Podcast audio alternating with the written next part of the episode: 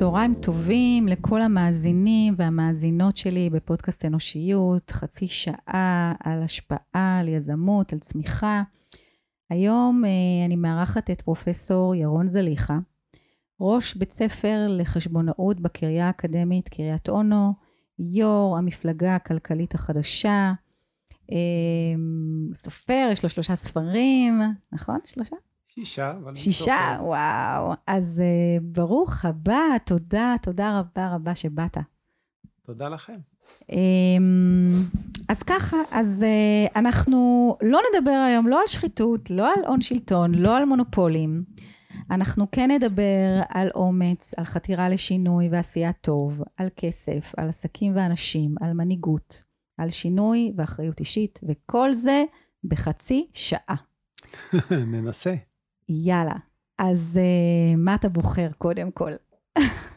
מנהיגות, נראה לי, נראה לי צורך uh, מעניין בתקופה הזו. מה זו מנהיגות? מנהיגות, אולי מוטב להשתמש בביטוי אחריות. Mm. Uh, הפרשנות שהמנהיגים שלנו נותנים למילה אחריות, היא פרשנות מעניינת. אני כמובן uh, אולי קצת ציני, אבל לא הרבה. כן. את באנגלית אומרים אחראי responsible, מהשורש של response able. נכון. מי הוא האחראי? The one who is able to response. מי שמסוגל להגיב על סיטואציה מסוימת, הוא זה שמוטב שיהיה אחראי ויקח פיקוד על המצב. כן. אותו דבר גם בערבית, מהשורש, או הביטוי מסעול, מהשורש שאל, מי שמסוגל לשאול, לדרוש תשובות, מה המצב, ולהבין מה המצב, אז הוא גם זה שצריך לקחת אחריות ולהוביל. ובישראל דומה שהמנהיגים שלנו חושבים שלביטוי אחראי יש את השורש אחר. מי אחראי אחר זה לא אני בכלל, זה מישהו אחר. או, oh, וואו. Wow. כאשר בפועל אחראי זה מהשורש, אני חושב, אני לא בלשן, אח וראי.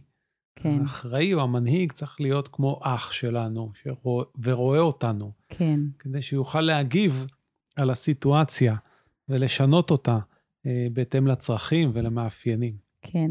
אז בוא נדבר על מנהיגות דווקא לא ברמה לאומית, אלא... אגב, נד... זה לא רק בהכרח ברמה לאומית, כן. זה גם ברמה עסקית. אז, אז בוא נדבר על מנהיגות עסקית. בסדר? בכל זאת הקהל שלנו... אל שמנכ"ל של חברה, או מה זה חברה? חברה זה מפגש של נכסים ואנשים. כן. ומנכ"ל של חברה הוא בעצם אחראי על המכלול הזה של נכסים ואנשים. ו... יש איזושהי קונספציה שגויה שמנכ"ל אמור רק להשביח את הנכסים, ובפועל הוא אמור להשביח את המכלול הזה של נכסים ואנשים. תגיד, אם הייתי שואלת אותך לפני חמש שנים, מה זאת מנהיגות, התשובה שלך הייתה אחרת? משהו השתנה היום בצורך של לא, מנהיגות? לא, זו אותה התשובה. אני, האמת שאני אה, מלמד את זה. אוקיי. אני מלמד היה לי אפילו קורס לתוכנית המצטיינים שלנו, אה, בתואר הראשון, על, על אה, מנהיגות, ערכים ואתיקה בקולנוע של המאה ה-20, כפי שמשתקף בקולנוע של המאה ה-20, אפילו הוצאתי אחר כך ספר על קולנוע. וואו. אה, שבו אני דן בסוגיות של מנהיגות וסוגיות של ערכים ואתיקה. מדהים. אז סיפרתי לך אמ, קצת לפני שהתחלנו להקליט על הארגון שאני אה, שגרירה בו, קפיטליזם קשוב, שבא בעצם לשנות את האג'נדה ואת התפיסה העסקית היום ולהוביל אה, בעלי עסקים ובעלי ארגונים להיות מכווני ערך לכל מחזיקי העניין. ובתוך זה נמצאים כמובן גם בעלי המניות, אבל לשנות את התפיסה במקום השאת רווח לבעלי המניות, להשאת ערך לכל מחזיקי העניין. וזו תפיסה שהיא די חדשנית.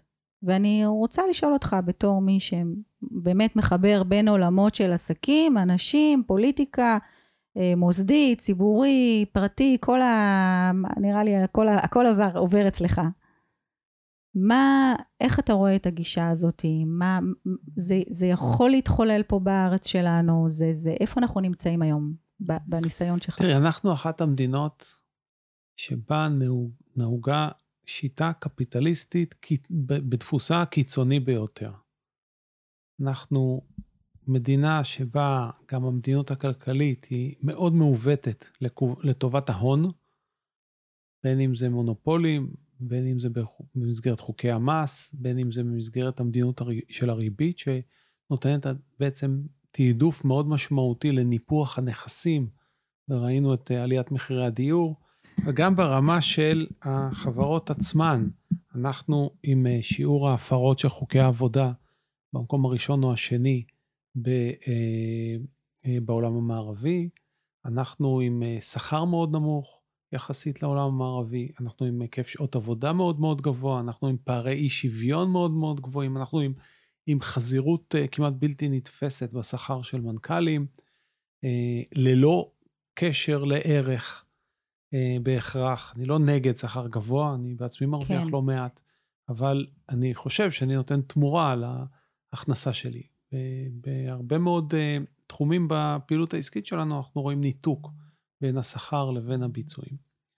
עכשיו, צריך לזכור שהסיטואציה הזו, שבה נדרשת בכלל השאלה של קפיטליזם קשוב או לא קשוב, היא פועל יוצא לאחת ההתפתחויות של המהפכה התעשייתית שחלה לפני 300 שנה ושאנשים לא, לא בהכרח אה, ערים לה. לפני המהפכה התעשייתית לא הייתה הפרדה בין עבודה לבין הון לבין ניהול.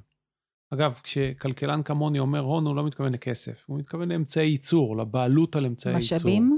כן, הבעלות על אמצעי okay. אוקיי. ייצור, לבעלות של הקרקע, המכונה, okay. אוקיי. המבנה, הפטנט וכן הלאה. Mm-hmm. עכשיו, לפני המהפכה התעשייתית, רוב רובם של העסקים היו עסקים קטנים ובינוניים, עסקים משפחתיים אפילו. כן. שהעובדים היו בני המשפחה, בני המשפחה היו גם הבעלים של אמצעי הייצור, בין אם זה המחרשה או כלי העבודה או הטבע או הקרקע, והם גם ניהלו את עצמם. לא הייתה הבחנה בין עובדים, בין בעלים לבין מנהלים. זה הכל היה אותו דבר. אתה גם היית עובד, גם היית מנהל וגם היית בעלים. נכון. אבל בעקבות המהפכה התעשייתית וההכנסה של טכנולוגיות ייצור המוניות, עלה ערכם או משקלם של אמצעי הייצור של ההון. וכתוצאה מכך נוצרה הבחנה בין עובדים ובין בעלים, קודם כל. מכיוון שעם הגידול בהיקף העסקים נדרשת להביא עובדים זרים. לא עובדים זרים במובן התאילנדי של הביטוי, אלא זרים למשפחה. כן. הם כבר לא חלק מהבעלים. בעסקים המשפחתיים, אם את היית בת שלי ועבדת איתי בעסק, לא היה הבחנה ביני ובינך, כי בסופו של דבר, את תרשי אותי. נכון. אז העסק הוא שלך ושלי, אנחנו גם העובדים וגם הבעלים, וגם אם אני מנהל או שלך, אז מחר את תהיה מנהל של הבן או בת שלך וכן הלאה. כן. אבל בעקבות הגידול בהיקף העסקים, אני צריך להביא עובדים מחוץ למשפחה. עכשיו, במתח הזה של עובדים ובין בעלים, נוצרו השיבושים הראשונים. ראינו את זה אה, גם באנגליה וגם בארצות הברית במאה ה-19, שהחלו, אה, אה, החל בעצם קונפליקט, מכיוון שבעסק המשפחתי, גם אם רצית ממני יותר שכר, זה בסופו של דבר יורד ממה? מאיתנו. מהשווי של הרכוש שאת כן. תרשי אותו, זה מכיס לכיס. נכון. לי אין אינטרס שאת תעבדי יותר ותקבלי פחות. זה שלך. כן. בדיוק כמו שאני עובד. אבל כשזה עסק זר, לי כבעלים יש אינטרס שאת תעבדי יותר ותקבלי פחות, ולך כעובדת יש אינטרס לעבוד פחות ולקבל יותר. הקונפליקט הזה יוצר מתח. עכשיו, המתח הזה נפתר דרך איזון. הוא יכול להיפתר דרך איזון, מה שאדם סמית קרא לו היד הנעלמה. אם אנחנו שווים בכוחנו, ותכף נגדיר מה זה כוח, mm-hmm. אז אנחנו נסתדר בכמה תעבדי וכמה תקבלי. כן. משהו שיהיה הוגן לשנינו, שישאיר לי רווח מספיק על ההשקעה שהשקעתי, כי בכל זאת, אמצעי ייצור הם שלי, אני השקעתי אותם, אני מגיע לי כן. תשואה כן. נאותה על ההשקעה. אבל את משקיעה את ההון האנושי שלך, וגם לך מגיעה תשואה נאותה על ההשקעה. אז כשאנחנו מבינים את זה, ואין דבר שגורם לנו להבין יותר משוויון בכוח. כן. אם אנחנו נהיה שווים בכוח, שנינו נבין את האינטרסים אחד של השני. אבל מה זה כוח? כוח זה אפשרויות. כשלך יהיה מספיק אפשרויות לעבוד בחוץ, במקומות אחרים, ולי יהיה מספיק אפשרויות להעסיק עובדים אחרים, אז אנחנו נגלה שאנחנו שווים בכוחנו. ולך לא בא לחפש מעסיק אחר, כי את כבר מכירה אותי. ולי לא בא לח... לחנך עובד או עובדת אחר, כי אני גם מכיר אותך על היתרונות שלך. אני לא צריך עכשיו להשקיע בעובד אחר, שאני לא יודע אם הוא, הוא יתברר כשווה. כן. אז כשלך יש מספיק הזדמנויות, ולי יש מספיק הזדמנויות להעסיק אחרים, אנחנו נשתווה בכוחנו, ולכן ננהל משא ומתן, ונגיע להבנה. עכשיו, נחתום על הסכם שכר נניח לשנה הקרובה. בדיעבד יתברר שאני הרווחתי יותר ממה שצפינו, אז נתקן את זה בהסכם העבודה הבא. אם יתברר שהרווחתי פחות ממה שצפינו, גם נתקן את זה ב- ב- ב- בהסכם הבא. השוויון בכוחות לא רק מייצר הגינות בסיסית, אלא הוא גם מייצר ראייה לטווח יותר ארוך, מתוך סבלנות שגם אם טעינו בהסכם הנוכחי, נתקן אותו בהסכם הבא. אבל המחשבה, ולכן לא צריך התערבות חיצונית, כן. לא צריך קפיטליזם קשוב ולא צריך נעליים. והיד הנעלמה, ההגינות הזאת תסדר את עצמה. אבל אדם סמית, אבי הקפיטליזם, כביכול, אני קורא, תכף תביני למה אני אומר כביכול, גם אמר שהמחשבה שיש שוויון כוחות היא מחשבה תמימה. זה נשמע לי ככה. למה, אבל למה תמימה? היא תמימה כי להון יש נטייה מגונה לחבור עם עוד הון. לבעלי ההון, לבעלי אמצעי הייצור, יש נטייה מגונה להבין שהדרך שלהם להגדיל את הרווחים היא לא רק באמצעות יזמות וחדשנות ולעבודה קשה, אלא היא אולי דרך יותר קצרה, פשוט לחבור עם עוד בעל הון, למזג את הכוחות, ואז גם לייצר מעמד מונופוליסטי שיסחוט את הצרכנים, שזה עובדים של מפעלים אחרים, וגם כוח לצמצם לך את האפשרויות לעבוד במקום אחר. כי אני הורדתי לך במיזוג הזה אחת האפשרויות לעבוד במקום אחר. נניח שאת עובדת בתחום ה... לא יודע מה, בתחום כן. ההפקה, ואנחנו שתי חברות הפקה גדולות, התמזגנו, אז עכשיו אין לך אפשרות לעבוד בחברת הפקה אחרת, כי היא כבר לא קיימת, היא, היא איתי. Mm. אז את, הנטייה למזג את הכוח של המעסיקים, וכך גם לסחוט את העובדים וגם לסחוט את הצרכנים, היא נטייה בסיסית בטבע האנושי של ניסיון להרוויח כמה שיותר. זה משהו בסיסי. ואדם סמית לא היה תמים. הוא היה פילוסוף ליברלי, שבא מאיזושהי נקודת ראות טיפה שונה. צריך לזכור שהמאה ה-18 הייתה המאה של הנאורות, ובעידן הזה של הנאורות היו, את בטח זוכרת, וולטר ודידרו כן. ואחרים, היה ויכוח פילוסופי מאוד אה, משמעותי באשר לטבע האדם. מהצד האחד היה החסידים של תומאס הובס, דלוויתן ואחרים, זה כבר היה בסוף המאה ה-17, אבל לאורך המאה ה-18, תומאס הובס, שבא ואמר, יצר האדם רע מנעוריו. אם הוא יוכל, הוא יאנוס את כולם, ירצח את כולם, ישחט את כולם, יגנוב מכולם. אין לדעת מה האדם יכול כן. לעשות. מהצד השני, היה את, אה, אה, את, אה, את, את, את מיל ולוק ו, ו, ו, ורוסו, שאמרו לו, לא, לא, לא, זה התרבות משחיתה, האדם נולד טבולה ראסה, הוא נולד טהור. אבל בא אדם סמית ואמר, לא זה ולא זה, האדם הוא לא רשע מלידה, והוא לא טוב לב מלידה, האדם פשוט קרוב אצל עצמו. וצריך להבין את זה. אם האדם קרוב אצל עצמו, לא משנה איזה סיסמה אתה תנופף לו, הוא כל הזמן ינסה לחתור לשיפור מצבו. וזה דבר חיובי כל עוד אתה מבין את זה. ומכיוון שהוא יחתור כל הזמן אה, אה, לשפר את מצבו, בעלי ההון, בעלי אמצעי ייצור, כל הזמן יחברו ל, ל, ללכד כוחות כדי שהם יוכלו לסחוט את העובדים והצרכנים. ולכן צריך לקום, צריכה לקום ממשלה שלוקחת מנהיגות ומנהלת מדיניות כלכלית. מה זה מדיניות כלכלית? שחותרת לאזן את הכוחות, כן. כדי שלא יהיו לנו פה מונופולים חזקים מדי, וגם אם יהיו, הם לא יוכלו להשתמש בכוחם כדי לרמוס אף אחד. אוקיי, רגע. יואו, כמה זה בדמך.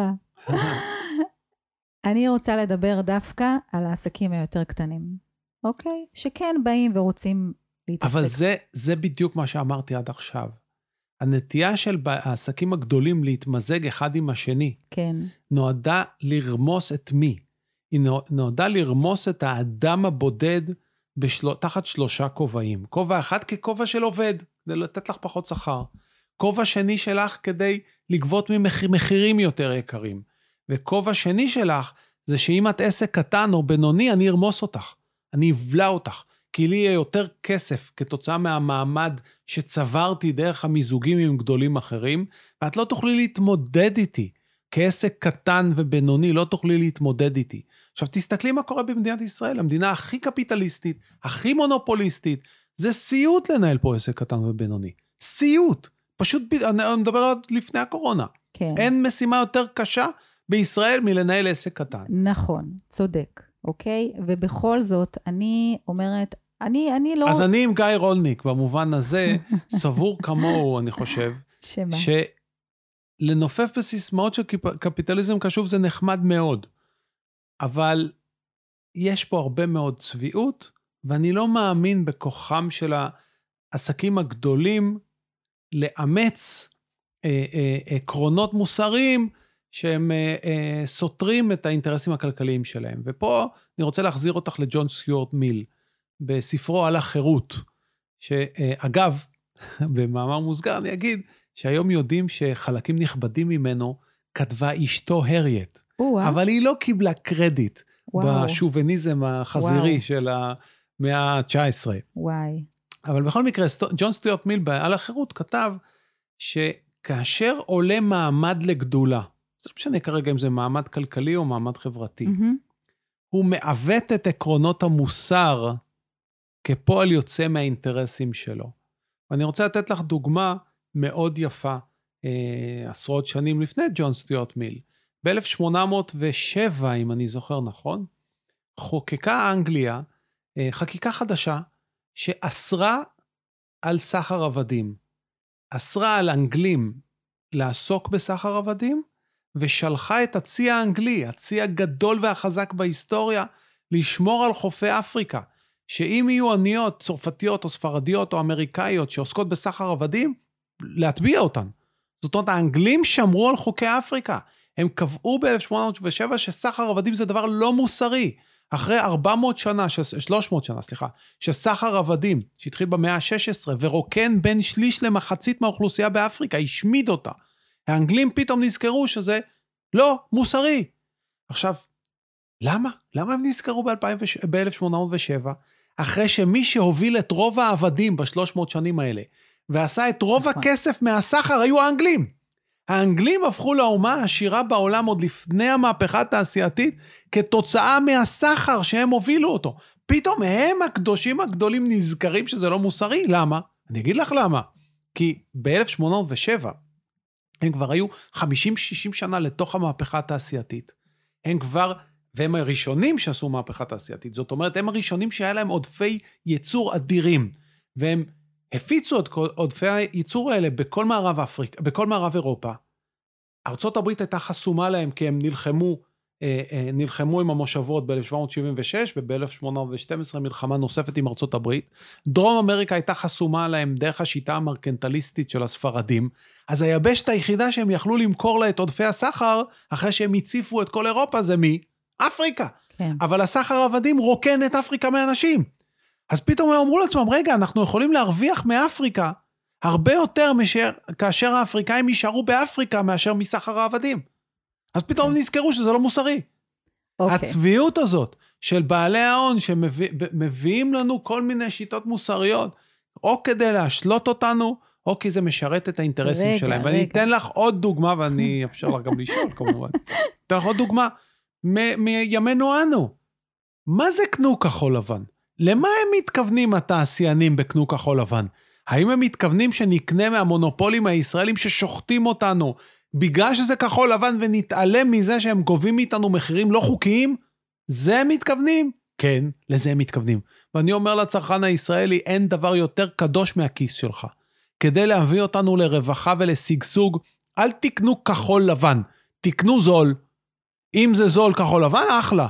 אם זה זול יבוא, תקנו יבוא. זה לא עוזר לנו שאתם קונים כמו עיוורים כחול לבן ממונופולים ששודדים אותנו, כי אתם מנציחים את המעמד המונופוליסטי שלהם. אתם בעצם נותנים להם כסף שיחזק אותם איך לשדוד אותנו. אוקיי. Okay. ובתוך כל זה, החוסר אמון שלך המוחלט, אוקיי? והתייחסות לכל הדבר הזה כצביעות, אוקיי? או וב- תמימות. או צביעות או תמימות. בוא, אני לא, לא אוקיי. חושב שכולם צבועים. אוקיי. או צביעות או תמימות. בוא ניקח לדוגמה את שרי אריסון. לא, בוא ניקח לא, את שרי שנייה, אריסון. בלי שרי אריסון, שנייה. אבל בבקשה. אתה, כן, יצאת מאזורי הנוחות שלך, ומהכיף שלך, ובאת להקים מפלגה כדי לחולל שינוי, נכון? איך אפשר להגיע לחולל שינוי אם אין בך אופטימיות ויכולת לתת הזדמנות לאנשים למעלה להוכיח שהם באמת מבינים ברמת תודעה שהעולם משתנה וצריך לעשות פה טוב. אז קודם כל, אני אופטימי במובן הבסיסי. אני כן חושב שאפשר לעשות פה טוב, אני כן חושב שאפשר לשנות, ואני מזכיר שזה הסיבוב השני שלי בשירות הציבורי. הסיבוב הראשון היה ב-2003, כן. ששם, אה, יחד עם אחרים, אה, עם נתניהו, ולמ- אפילו קצת מביש להגיד, אבל נתניהו ואני, הצלנו את המשק ב-2003. ומה הדבר הראשון שעשיתי כשנכנסתי להיות חשב כללי? חילטתי ערבויות בנקאיות לפישמן, לבורוביץ', לדנקנר, לאחים עופר. למה? כי הם שדדו את המדינה. אוקיי. אז אפשר לעשות שינוי. אממה, אני גם לא תמים. אני ראיתי מה, אה, אה, מה הם האינטרסים ועד כמה אפשר לשנות, ולא בכדי החלטתי לנסות ולחזור פעם שנייה, כי אני לא כל כך מאמין באינטגריטי של הפוליטיקאים שלנו. ואני אגיד לך גם למה. תסתכלי על המפלגות שקמו בעשור האחרון. יש עתיד, אה, המפלגה של סער, תקווה חדשה, כן. המפלגה של כחול גנץ, לבן. אה, כחול לבן, או איך שהיא הייתה נקראת במקור, אה, ואפילו המפלגה של חולדאי שלא צלחה. ארבע המפלגות האלה, מיד כשהם הודיעו על כך שהן קמות, טייקונים מכל רחבי ישראל שפכו עליהם ערבויות וכספים. את המפלגה של לפיד הוא הקים בעזרת 79 בעלי הון שנתנו לו ערבויות. כנ"ל גנץ, כנ"ל אה, גדעון סער, כנ"ל חולדאי. עכשיו, אנשים מיליונרים שנותנים, אה, מיליארדרים שנותנים ערבויות, מה את מצפה שהמדיניות הכלכלית של המפלגה שהם נתנו לה ערבויות תעשה? מה את מצפה? האם זה מפתיע שאני היחיד שהקים מפלגה בעשור האחרון, שאף טייקון לא שפך עליו כסף, הייתי צריך לממן את המפלגה טוב, נלחמת אני וחבריי. מכספים שלנו? אבל זה בדיוק העניין. בסדר, ובכל זאת, אוקיי? בכל זאת אני מתעקשת כי אני, אני פוגשת באנשים האלה, שהם בעלי ארגונים של עסקים של 500 עובדים, של אה, 600 עובדים, שהם, שזה עסקים בינוניים. אוקיי, בגלל זה אני אומרת, אני... אבל אנחנו פוגשים גם את שרי אריסון. בוא נחזור רגע לשרי אריסון. טוב, שבאה עם רצון טוב, אני, ואני מאמין ב, ב, בתור הכוונות שלה. אוקיי, וניהלה חברה מאוד מאוד גדולה, שניים בעצם, בנק הפועלים, כן. שאני לא רוצה להתייחס אליו, כולנו מכירים מה הבנקים עושים לנו, נכון? אני לא צריך אה, לא, לא, להגיד. לא, מיותר. אבל בוא נדבר על חברה אחרת שהיא ניהלה. שיכון ובינוי. מה התברר? בזמן ששרי אריסון מבלבלת לנו את השכל על קיימות ואחריות וערכיות, החברה הזאת, 70-80 אחוזים מהרווחים שלה, או משהו בסגנון הזה, היו בנויים לאורך תקופתה על מה? על שוחד שהם שילמו באפריקה, תוך רמאות של הבנק העולמי, או של, גופי, או של האו"ם, או של גופי פיתוח אחרים. בזמן שהיא ראתה, לא ראתה, אני לא יודע, אין לי מושג. כן. אבל מה אני כן יודע? אחת מהשתיים. או שהיא הייתה צבועה, או שהייתה תמימה. אוקיי. האם זה מבטל את כל עשיית הטוב שלה? האם היינו מעדיפים שארגונים בסדר אני, גודל אני אגיד לך כזה, מה, קודם כל, אני כחשב כללי, כן, תמיד הסתייגתי אוקיי, מגורמים פרטיים שמנסים להחליף את, אה, את, אה, את הממשלה. לממשלה יש אחריות. הממשלה לא אמורה לקבץ נדבות מכל מיני מיליארדרים שעושים את הרווחים שלהם מעסקים גדולים ואולי גם עש... ש- שעושקים את הציבור, ואחר כך מחזירים לנו איזה שני סנט. אני מזכיר לך שהנשיא פרס, זיכרונו לברכה, שמאוד אהבתי אותו, אמר- וזה אחד מהליקויי מאורות שלו, קרא לנוחי דנקנר העובד הסוציאלי של המדינה. למה? כי הוא תרם כסף כן, מהחברה כמובן, כסף שאחר כך התברר שמאיפה הוא הגיע. אז אני לא אוהב את זה, כיוון שלממשלה יש תפקיד להוביל גם את הכלכלה וגם את החברה שלנו, וגם לבסס את החקיקה הנורמטיבית ואת הערכים הנורמטיביים שכולנו צריכים לפעול על פיהם. אני מאמין באחריות ממשלתית. זו גם הסיבה שרצתי לפוליטיקה, כי נמאס לי מהפוליטיקאים. אוקיי, אבל בכל זאת אבל- המדינה הזאת, וראינו את זה אבל- השנה, לא הייתה יכולה להיות איפושהי בלי עסקים וארגונים שנרתמו לקדם כל מיני פתרונות אה, יצירתיים, גם בתחום הרפואה, טכנולוגיה ו... חד משמעית, אבל וכולי. שוב, אנחנו חוזרת לאותה נקודה. מה? הממשלה התרשלה בתפקידה, כן, היא ניהלה את המשבר הזה בצורה איומה ונוראה, כן. ואז בלית ברירה נכנסים אה, גופים פרטיים ואנשים, כל הכבוד להם. ברמה האישית, כל הכבוד לכל אחד שעושה משהו. אוקיי. אבל איפה ההסתייגות שלי? ההסתייגות שלי, היכן ש... שהממשלה משתמשת באנשים האלה כדי להתנער, זה מקום אחד, ובמקום השני, היכן שהאנשים האלה בעצם את רוב הונם עשו, אני לא רוצה ללכת רח- רחוק, את יודעת, פרודון, ומאז ימי פרודון, וגם בלצק ציד- ציטט את זה, מאחורי רכוש גדול מתח... מתח... מתחבא פושע גדול. אני לא שם, אני לא אנרכיסט. אוקיי. אבל בישראל יש כלכלה מעוותת. כלכלה קפיטליסטית חזירית, פרוטקציונרית, לא יעילה, שהרבה מאוד מההון נעשה באמצעות עיוותי מס ומדיניות כלכלית שחצי משוחדת, ונכסי מדינה שחולקו בצורה לא אחראית או לא יעילה, או בחצי חינם לכל מיני אנשים. ואז אותם אנשים באים ואומרים לך, רגע, סליחה, הנה, אני, תראה איזה קדוש אני, תראה איזה קדוש אני, תראה, אני תורם לאיזה עמותה, ואני לא יודע, ו... בוא לא תעשי לי נדבר טובה. על תרומות. בוא לא נדבר על תרומות. נדבר על זה שבעל עסק של אלף עובדים, של 600 עובדים, מה שמניע אותו מעבר לכיס שלו... לא מאמין בזה. אם יהיה תחרות, אז אוקיי. מה שיניע אותו זה שהעובדים שלו לא יברחו לעסקים אחרים. אבל כתוצאה מזה הוא יהיה טוב אליהם?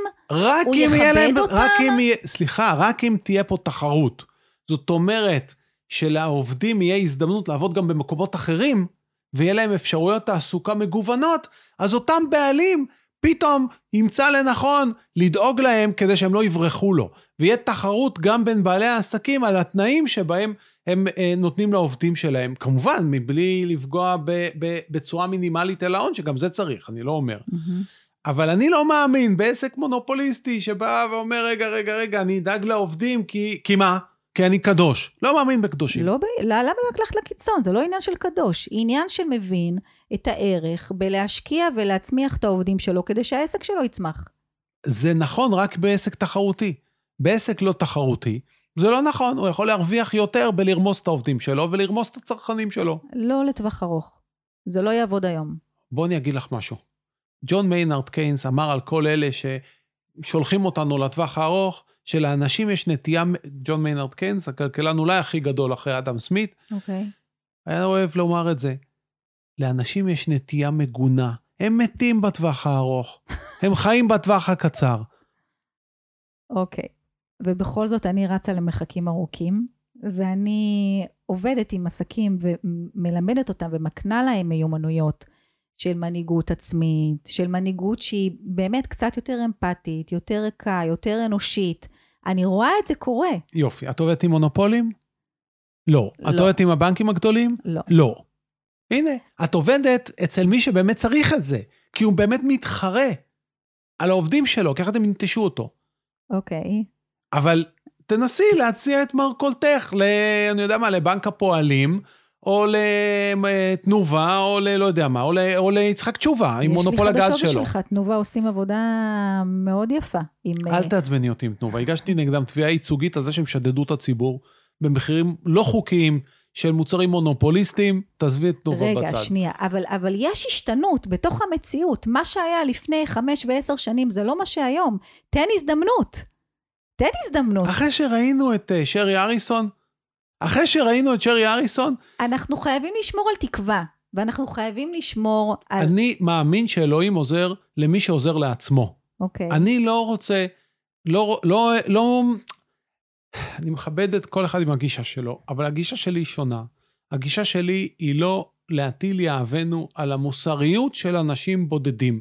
זה לא, אני לא מאמין בזה. אני זה חושב תמיד יש טיפה- חריגים, תמיד יש יוצאים מן הכלל. דיברת למשל על צבי סטפאק, אני מאוד מעריך אותו ומחבב אותו, ואני בטוח שהכוונות שלו טובות והוא בא ממקום אחר. אבל אי אפשר להסתמך על החריגים האלה, תמיד יש חריגים. אבל, אבל הוא באופן עושה בסיסי- עבודה ומביא עוד אחד ועוד אחד ועוד אחד, זה לאט לאט, זה סבבה, טיפות. במאה ה-25 נסיים. צריך להתחיל מאיפשהו. אני לא נגד, אני רק אומר, הוא הולך לשנות את חוק, הוא, הוא כבר עובד כמה שנים על לשנות, כשתהיה ממשלה, בעזרת כן. השם, מתישהו, אה, לשנות את חוק החברות. אחלה, נרגעתי, עכשיו אני רגוע. די, נו. נו באמת, אני מספר לך שאחוז ההפרות של חוקי עבודה בישראל הוא הכי גבוה בעולם המערבי. מה, מה, מה את מספרת לי, שיעשו עוד חוק שלא לא, לא, לא יאכפו אותו? לא, לשנות. אז הוא יעשה חוק חדש שהוא לא יתבצע. אנחנו מכירים את זה. עסקים בסופו של דבר, כן.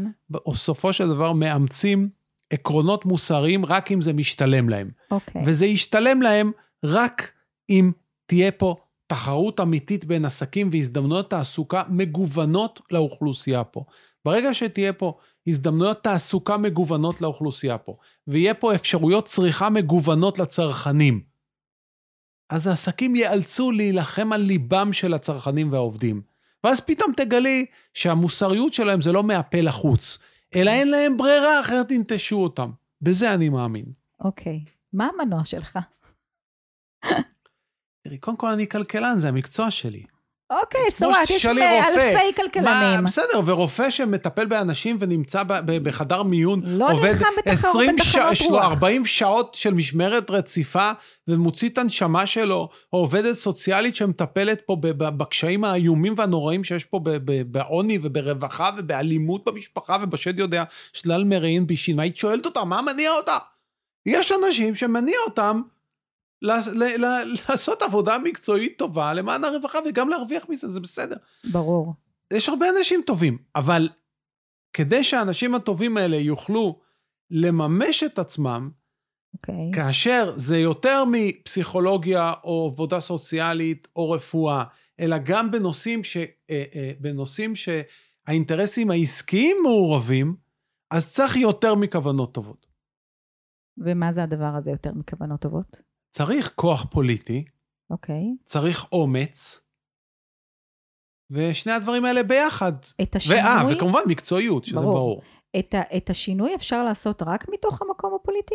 אז תראי, האמת שבמשך הרבה שנים קיוויתי שכן, שאפשר לעשות מחוץ. אוקיי. ולכן ב-14 השנים האחרונות הסתפקתי בלהטיף, ללמד, להרצות. שלוש שנים השקענו, אני וחבריי, במגש הכסף. כן. ואני כל כך גאה שהתוכנית ממש. הזאת, היא משמשת במערכת הלימוד, ובבתי ספר תיכוניים זה כן. משהו שהוא אה, לימוד חובה, וכל תלמיד לי"א או י"ב רואה את הפרק שלי, ואני מאוד שמח בזה. מהמם. אבל אחרי 14 שנים הבנתי שלכתוב ספרים וללמד ולהרצות ולהטיף ולשכנע ואפילו לייעץ מבחוץ לפוליטיקאים ולשרי האוצר, זה לא עובד. אז במקסימום אתה מצליח לשנות איזה משהו, או למנוע איזה, איזה החלטת מדיניות שהיא ממש מבישה, אבל זה לא, אין, אין פה מסה קריטית של שינוי, וכדי לבסס מסה קריטית של שינוי, אתה צריך להגיע לשם ולנהל את זה במו ידיך. אוקיי. אבל בזה נכשלתי. לא הצלחתי. תקשיב, אנחנו לא יודעים, אתה במסע, זה דרך. כן, בסדר, בוא נגיד, אוקיי, אני- את דרך. יודעת מה? אני אאמץ את הגישה האופטימית שלך. בצעד הראשון במסע לא הצלחתי. מצד שני, אני אגיד לך מה כן הצלחתי. אוקיי. אני חושב שכן הצלחתי להעלות את הנושאים האלה לסדר הד... סדר היום הציבורי נכון. בתהליך הבחירות. כן. עובדה שנפתלי בנט נאלץ פתאום לפרסם תוכנית כלכלית, לא משנה אם היא טובה או לא טובה. כן. פתאום גדעון סער מדבר על זה, פתאום איווט אה, אה, רוצה להיות שר אוצר. סבבה, אז אני חושב שמשהו בכל נכון. זאת אולי, אולי הצלחתי, אבל אולי גם אני קצת אה, תמים. תגיד, אנשים הגיעו למשבר הקורונה במרץ 2020 לא מוכנים. גם עסקים יותר קטנים ובינוניים הגיעו לא מוכנים. מה, מה אנחנו, מה אתה יכול ללמד את אותם עסקים, את אותם אנשים אה, על משברים ועל הגעה להיות מוכנים אה, לתוך משבר? כי לפי צפי עתידי, משברים עוד צפויים להגיע לפה. קודם כל, קטונתי מללמד בעלי עסקים קטנים ובינוניים אה, ב- לנהל את העסק שלהם, משתי סיבות. סיבה ראשונה, אני באמת חושב שישראל זה המקום הכי קשה לנהל עסק קטן או בינוני.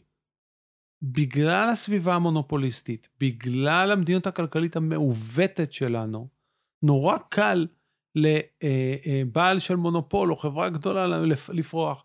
אתה הולך להיות מנכ"ל בנק הפועלים, גם אם אתה מטומטם, אתה, אתה, תייצר את הרווחים, גם אם אתה לא בא לעבודה. אבל עסק קטן ובינוני הם נלחמים כל יום, הם מתמודדים בעצמם עם המונופולים, הם מתמודדים בעצמם עם לקוחות שנורא קשה להם, הם מתמודדים בעצמם עם עובדים שנורא קשה להם, הם מתקשים לשלם שכר נאות, זה סביבה, הם נתקלים בהתקלות ממשלתיות על ימין ועל שמאל, ובכל בעיה פתאום נוטשים אותם והולכים, אחרי שאת רוב כספי המיסים מי משלם? מי משלם אם הם. לא הם? לא. אז קטונתי באמת, אבל אני רוצה להפנות את תשומת ליבך למשהו מעניין. אוקיי. Okay. בעשור האחרון עלה מאוד נטל החוב ונטל המס ונטל הבירוקרטיה על העסקים הקטנים. ואז כשפורץ משבר, אתה אומר להם, אתם לא מוכנים. מה אתם לא מוכנים? הם, כש, כשצומחים פה, הם נלחמים על החיים שלהם. Mm-hmm. ולכן, במכה הכי, לא הכי קטנה, מכה גדולה, כן. 20 אחוזים מהעסקים בישראל נסגרו. כן. אין אף מדינה במערב, וגם לא במערב, ש-20 אחוזים מהעסקים שלה נסגרו. אף מדינה כזאת. אנחנו המדינה שרשמה שיא בקורונה. הכי הרבה עסקים נסגרו. זה פשוט לא ייתכן. נכון. את יודעת שיש מדינות כמו אנגליה וארצות הברית, שדווקא הקורונה יצרה שיא בפתיחתם של עסקים חדשים? כי כל משבר גם מייצר הזדמנויות. Mm-hmm.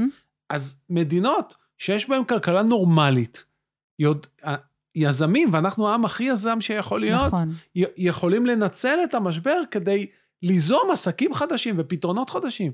אנחנו פה, לא רק שפספסנו את המשבר הזה, אלא שאיבדנו 20% מהיקף העסקים שלנו. כן. וזה תולדה של מדיניות כלכלית איומה ונוראה. ואין לנו משהו שאנחנו יכולים לעשות חוץ מאשר לחכות שיגיע פה ותהיה פה ממשלה... קודם כל, אני מאוד לא. מקווה שתקום עכשיו ממשלה יציבה, שתנהל מדיניות כלכלית חדשה. זה דבר ראשון, אה, מה שעברנו בשנים האחרונות, שלא לדבר על ההשלכות הנורמטיביות. זה איום ונורא. כן. טוב, תשמע, אה, רציתי, אני רוצה לדבר איתך עוד על ה... אה, זה מציק לי שאתה מחזיר לי כל פעם את הדיון הזה לאחריות של הממשלה, ואני אומרת, אני, אני רציתי להבין איפה האחריות שלי. איפה האחריות שלי כבן אדם, כאזרח קטן, כזה בורג, פצפון, אבק במערכת? נראה לך באמת שלאזרחים פה, או, לבע... או לבעלי העסקים הקטנים והבינוניים פה חסרה אחריות? איפה? חסרה אחריות, הם מתמודדים עם... את יודעת מה, אני מצדיע לכל בעלים או מנהל של עסק קטן ובינוני בישראל. פשוט מצדיע לו. מצדיע לו. אני לא חושב שאני צריך להטיף לו מוסר לא, על, לא אה, על חוסר אחריות. לא ממקום של הטפה. הם נושאים באחריות מאוד כבדה, מאוד מאוד כי כבדה. זה קצת מסיר, הנושא של האחריות זה איך אני יכול לעזור לעצמי מעבר ללחכות שמישהו יפתור לי או ייתן לי כסף לבנק. את חושבת באמת שבעלי עסקים פה מחכים לממשלה? הם מזמן התייאשו מהממשלה. יש פה ענפים שלמים שפשוט לא, אפילו לא קוראים עיתונים מרוב שנמאס להם. ואני לא חושב שאנחנו צריכים להפנות אליהם אצבע כאילו הם לא אחראים. כן. להפך. לא, לא, זה לא אצבע. הם נושאים באחריות מאוד כבדה, ואני פשוט מלא הערכה והערצה. Okay. אוקיי. לכל מנכ"ל או בעלים של עסק קטן ובינוני בישראל. פשוט מלא הערצה. טוב, מה התוכניות שלך? קודם כל, ברמה האישית, אה, חזרתי לשגרה, חזרתי ל, ללמד בקריאה האקדמית אונו ולנהל את החוג בחשבונאות שלי, שאני מאוד גאה בו. אתה מכניס שם את כל הבעירה הפנימית שלך בוודאי. לסטודנטים שלך? תראי, הקריאה האקדמית אונו לא סתם חרתה על דגלה לשנות את פני החברה בישראל. זה המקום היחיד שאתה תגלה אנשים כמוני מלמדים את הסטודנטים. מה? אנחנו לא המרכז הבינתחומי שמקבלים תרומות מטריליונרים, וכתוצאה מכך חושבים שבע פעמים מה הם יגידו. וואו. אנחנו מתפרנסים מהסטודנטים שלנו, שנותנים בנו את האמון שנה אחר שנה, לא סתם אגב, כבר שש או שבע שנים ברציפות אנחנו נבחרים על ידי הסטודנטים כמוסד עם המרצים הכי טובים בישראל. אני לא מדבר על עצמי, כן. אני מדבר על חבריי כן. המרצים כמובן. כן. כיוון שאנחנו שומרים על חופש אקדמי מצד אחד, ומצד שני, אנחנו מסתכלים לבעיות של החברה והכלכלה בישראל בעיניים. ואנחנו עוסקים בשילוב, לא סתם אנחנו, יש לנו את הכי הרבה סטודנטים עולים מאתיופיה, הכי הרבה סטודנטים ערבים, הכי הרבה סטודנטים מפריפריה, ובאמת מחברים גם את החזקים וגם את החלשים, שישבו ביחד בכיתה אחת, וואו. ויפתרו ביחד את, ה, את, ה, את הבעיות של החברה הישראלית, בין אם זה בתחום כן. המשפטים ובתחום הריפוי בעיסוק ובתחום החינוך, או בתחום החשבונאות.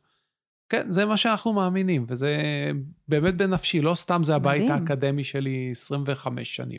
וואו. ובמקביל אני אה, אה, ממשיך את הפעילות העסקית שלי כיועץ. כן. יש לי משרד ייעוץ ל- ל- לוועדי עובדים, לא הוועדים המונופוליסטיים, הוועדים החלשים, המסכנים, אלה שזקוקים לעזרה, כנגד, אה, אה, כנגד אה, בעלי הון חזקים שרומסים אותם. וזה, אגב, זה חלק מהשיח שלנו, שרוב אמצעי התקשורת הם בבעלות מי? בבעלות בעלי ההון הגדולים והמונופולים. כן. ואז מה אתה קורא בתקשורת? שהוועדים זה משהו איום ונורא שרומס אותנו. אז זה אולי נכון ברשות שדות התעופה וברכבת, אבל 99% מהוועדים זה ועדים של אנשים מסכנים שמתמודדים בעצמם מול הטייקונים האלה ולא מצליחים לחיות. כן. אז אני נותן להם עזרה מקצועית בתחום ניהול משא ומתן, בתחום הכלכלי וכן הלאה וכן הלאה, ואני מתפרנס מזה מאוד יפה, וככה אני גם מתפרנס כן. וגם פועל לאט למען לאט. האג'נדה שלי. כן. ברמה הפוליטית, אני ממשיך לה- להוביל את המפלגה הכלכלית. קמנו לא כגימיק, אלא כן. קמנו כיוון שיש צורך אמיתי בכוח פוליטי שידבר את השפה הזאת, ואולי מתישהו גם יגיע לעמדת השפעה. אוקיי. והאם יהיה בחירות עוד חצי שנה עוד פעם? אני מקווה שלא, הממש... המדינה זקוקה לממשלה יציבה. ברור, ברור, ברור. אבל אתה, אתה נמצא שם. אנחנו נהיה שם, כן. זה טוב. לא מופע של איש אחד, יש לנו צוות שלם, גם של פעילים וגם של חברים במפלגה. אה, אגב, רשימה מדהימה, רשימה ש... כן. אה, סליחה על, ה... על הגאווה בסדר. היתרה, אבל לדעתי שמה בכיס הקטן את כל הרשימות. מהמם. במקום השני שלנו היה פרופסור אסנת אקירב, ראש החוג לממשל מדעי המדינה במכללת הגליל המערבי. היה איתנו פרופסור עליאן אלקרינאוי, שהוא אה, מומחה לעבודה סוציאלית מבכירי העובדים הסוציאליים בישראל. היית, אה, אה, נמצא איתנו איציק תורג'מן, מנכ"ל קרן רש"י לשעבר, וכן הלאה וכן הלאה, אנשים פשוט אחד-אחד. והאקדמיה יכולים לשנות פה מדינה? שימי לב, הרכבתי אנשים שכולם מייצגים שני מרכיבים. אה, מרכיב אקדמי וניסיון מעשי. אני לא אוקיי. מאמין באקדמיה לשם אקדמיה. גם האקדמיה שלנו, בקריאה האקדמית אונו, ככה אנחנו מביאים את המרצים שלנו. בעלי ידע אקדמי, אבל כולם בעלי ניסיון מעשי. אם אתה לא ניהלת או יישמת את העקרונות שלך, איך הסטודנטים יאמינו שזה בכלל ישים? כן. תגיד, מה, אחרי שנופלים, איך קמים? אני לא יודע, לא נפלתי, אז אני לא צריך לקום. אוקיי. לא, בתחושות. ב, ב, ב, ב, שמעתי אותך באחד הראיונות שאמרת שהחמש שנים שהיית בתפקיד של החשב הכללי, היו איומות בחיי, כן, נכון. שאמרת משהו נורא, שהן היו מבוזבזות. התכוונתי מה, מבוזבזות מה בזה זאת ש... אומרת? עשית כל כך הרבה דברים, איך אפשר להגיד דבר כזה? אוקיי, אני, אני התכוונתי שלא חייתי בשנים האלה. אה, אני לא חייתי, אני לא ראיתי את הילדים שלי גדלים, לא היה לי פנאי, הפסקתי לעסוק במחקר, בקושי קראתי, אה, בקושי ביליתי עם המשפחה שלי, כאילו פתאום הילדה שלי נולדה פתאום היא בת חמש. אני לא, בקושי אני זוכר, כאילו, גם בשישי שבת שהייתי בבית, אני לא הייתי שם. כן. זה פשוט, פשוט אני לא זוכר את החיים, כאילו, זה, זה כאילו אתה באמצע המלחמה. אז איך לא- חזרת לזה עכשיו? מה השתנה? ולכן ברחתי משם 14 שנים, קיוויתי שאני אה, מבחוץ, אני כן. יטיף, ירצה, יפגין, ו... שהבנת שזה לא יכול לעבוד אה, כמו שאתה רוצה אז להשפיע. החלטתי להתנדב לעוד ארבע שנים, ואני שמח אולי באיזשהו מקום שהציבור אה, אמר לי תודה, אבל אה, תרמנו בבית, עזוב אותך.